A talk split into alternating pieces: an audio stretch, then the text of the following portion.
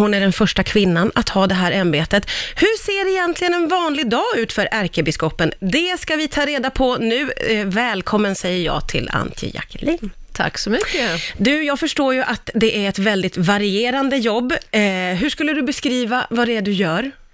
Ja, det är som du säger, det är ju väldigt varierat. Det finns egentligen ingen vanlig dag. Nej, det gör inte det. Nej, men någon dag kan det vara att det är flera olika möten eh, på samma ställe. Ibland är det ett långt möte hela dagen. Men eh, det som är mer vanligt, det är ju att det varierar på olika ställen. Jag firar gudstjänst, predikar en gång i veckan om jag inte är bortrest. Eh, Jag leder sammanträden, jag träffar olika gäster från både Sverige och utlandet. Eh, lite då och då så viger jag nya biskopar Ja. också. Det ingår också. Jag leder biskopsmötet. Eh, och vi har ju 14, med mig 14 biskopar i Sverige, Ja, alltså i Svenska kyrkan ska jag säga. just det. Eh, 13 stift och eh, då 13 biskopar plus en ärkebiskop. Um, det är också en del, som ärkebiskop så är man den högsta företrädaren i Svenska kyrkan, både nationellt och internationellt, så det innebär också en del uh, resor. Ja, det låter som att du reser ganska mycket. Ja, det går liksom i vågor. Ja. Nu har jag varit eh, på en månad både i Afrika och i Latinamerika. Det är ändå lite ovanligt att Ja, okej. det kommer så. Va, va, vad har det inneburit för dig? Vad har du gjort då? Ja, i, jag var i Brasilien först och där var inbjuden av den lutherska kyrkan och talade till alla deras präster, eh, diakoner och medarbetare eh, och besökte deras diakonala sociala arbete bland annat. Och sen var jag i Colombia Svenska kyrkan har länge stött fredsprocessen i Colombia. Så jag träffade bland annat människor som arbetar med sanningskommissionen i Colombia och eh, det är oerhört häftigt att se vilken skillnad det gör, kyrkans arbete i att stötta en även bräcklig fredsprocess. Eh, är du en väldigt social och utåtriktad person? Jag vet egentligen inte. Det låter som att ditt jobb kräver det lite. Ja, alltså jag, jag älskar att träffa människor Ja. och jag tycker det är väldigt stimulerande med liksom livliga samtal, eh, där jag kan lära mig någonting, där man har utbyte. Så det gillar jag, men eh, jag behöver också tid ibland för att eh, just kunna njuta av tystnaden. Ja, ja, så du har inte behovet av att liksom stå i centrum när du är ledig, så att säga? Nej, jag är nog inte den som kommer till en fest och blir automatiskt medelpunkten Är det inte så? Nej, det tror jag inte jag är. inte om du själv får välja. Jag gissar att många är nyfikna på dig och det du gör. Ja, eh, och det är klart, i, mitt, eh, i mitt yrke är ju person och uppgifter och övertygelse, det är ju väldigt, väldigt nära förknippat med varandra. Och det är fantastiskt fint att det är så, men det har också naturligtvis sina påfrestningar som allt. Mm. Jag gissar att du är omgiven av ett litet team, eller, eller hur funkar det, Antje? Ja, mina närmaste medarbetare, det är en liten stab som består eh, av eh, min pressekreterare, Ja, en teologisk sekreterare och en teologisk sekreterare som är mest knuten till biskopsmötet. Ja. En kaplan, det är prästen som är närmast mig. Och så eh, har jag fantastisk hjälp av min assistent. ja. Och ehm, ja, två. Eh, det är ju ett litet team. Eh, På jättemånga jobb så har man ju till exempel teambuilding för att man ska lära känna varandra. Eh, Håller ni på med sånt? Eh, vi har ju ibland eh, lite längre tid för planeringsmöten och då försöker vi också göra något trevligt om man säger så. Ja, vad kan det vara? Ja, det mest tokiga vi har gjort var någon gång det är att vi har varit på eh, skattjakt. På skattjakt? Jaha, vad var det som skulle hittas för någonting om man får vara lite nyfiken? Eh, skattjakten var egentligen en femkamp.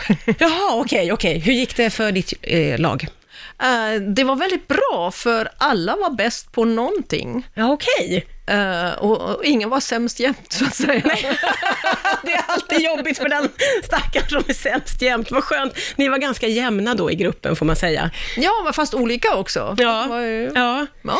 Eh, annat som många jobb älskar att ägna sig åt är ju att ha en kick-off. Är det någonting som ni brukar ha för att starta upp säsongen? Ja, det finns ju, alltså, jag eh, jobbar ju nära kyrkokansliet i Uppsala, så ärkebiskopen har sedan 1200-talet haft sitt säte i Uppsala.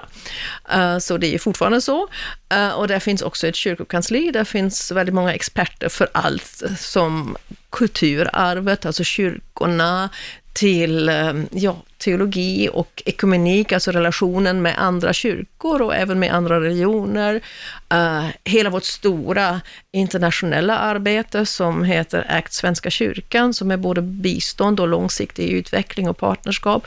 Så vi är ju nära dem och vi brukar ha sådana här terminsstarter ja. uh, tillsammans med hela det kansliet. Då är ni ganska många låter det som. Då är vi flera hundra. Ja, ja, ja. Och, och vad kan det bli då? Får ni åka iväg till Kolmården och ha nej, äventyr? Nej, vi har nej. inte mycket sådana extravaganser, men nej. vi samlas och så har vi uh, dels naturligtvis information om det som är viktigt, men vi, uh, och uh, ja, de områden vi jobbar med. Uh, men det händer också att vi har någon gäst utifrån och sådär. Mm. Så att, uh, vi försöker att um, skapa utrymme för um, ja, tänka outside the box. Ja, jag förstår, jag förstår.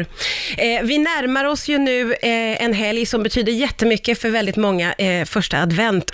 Vad betyder advent för dig?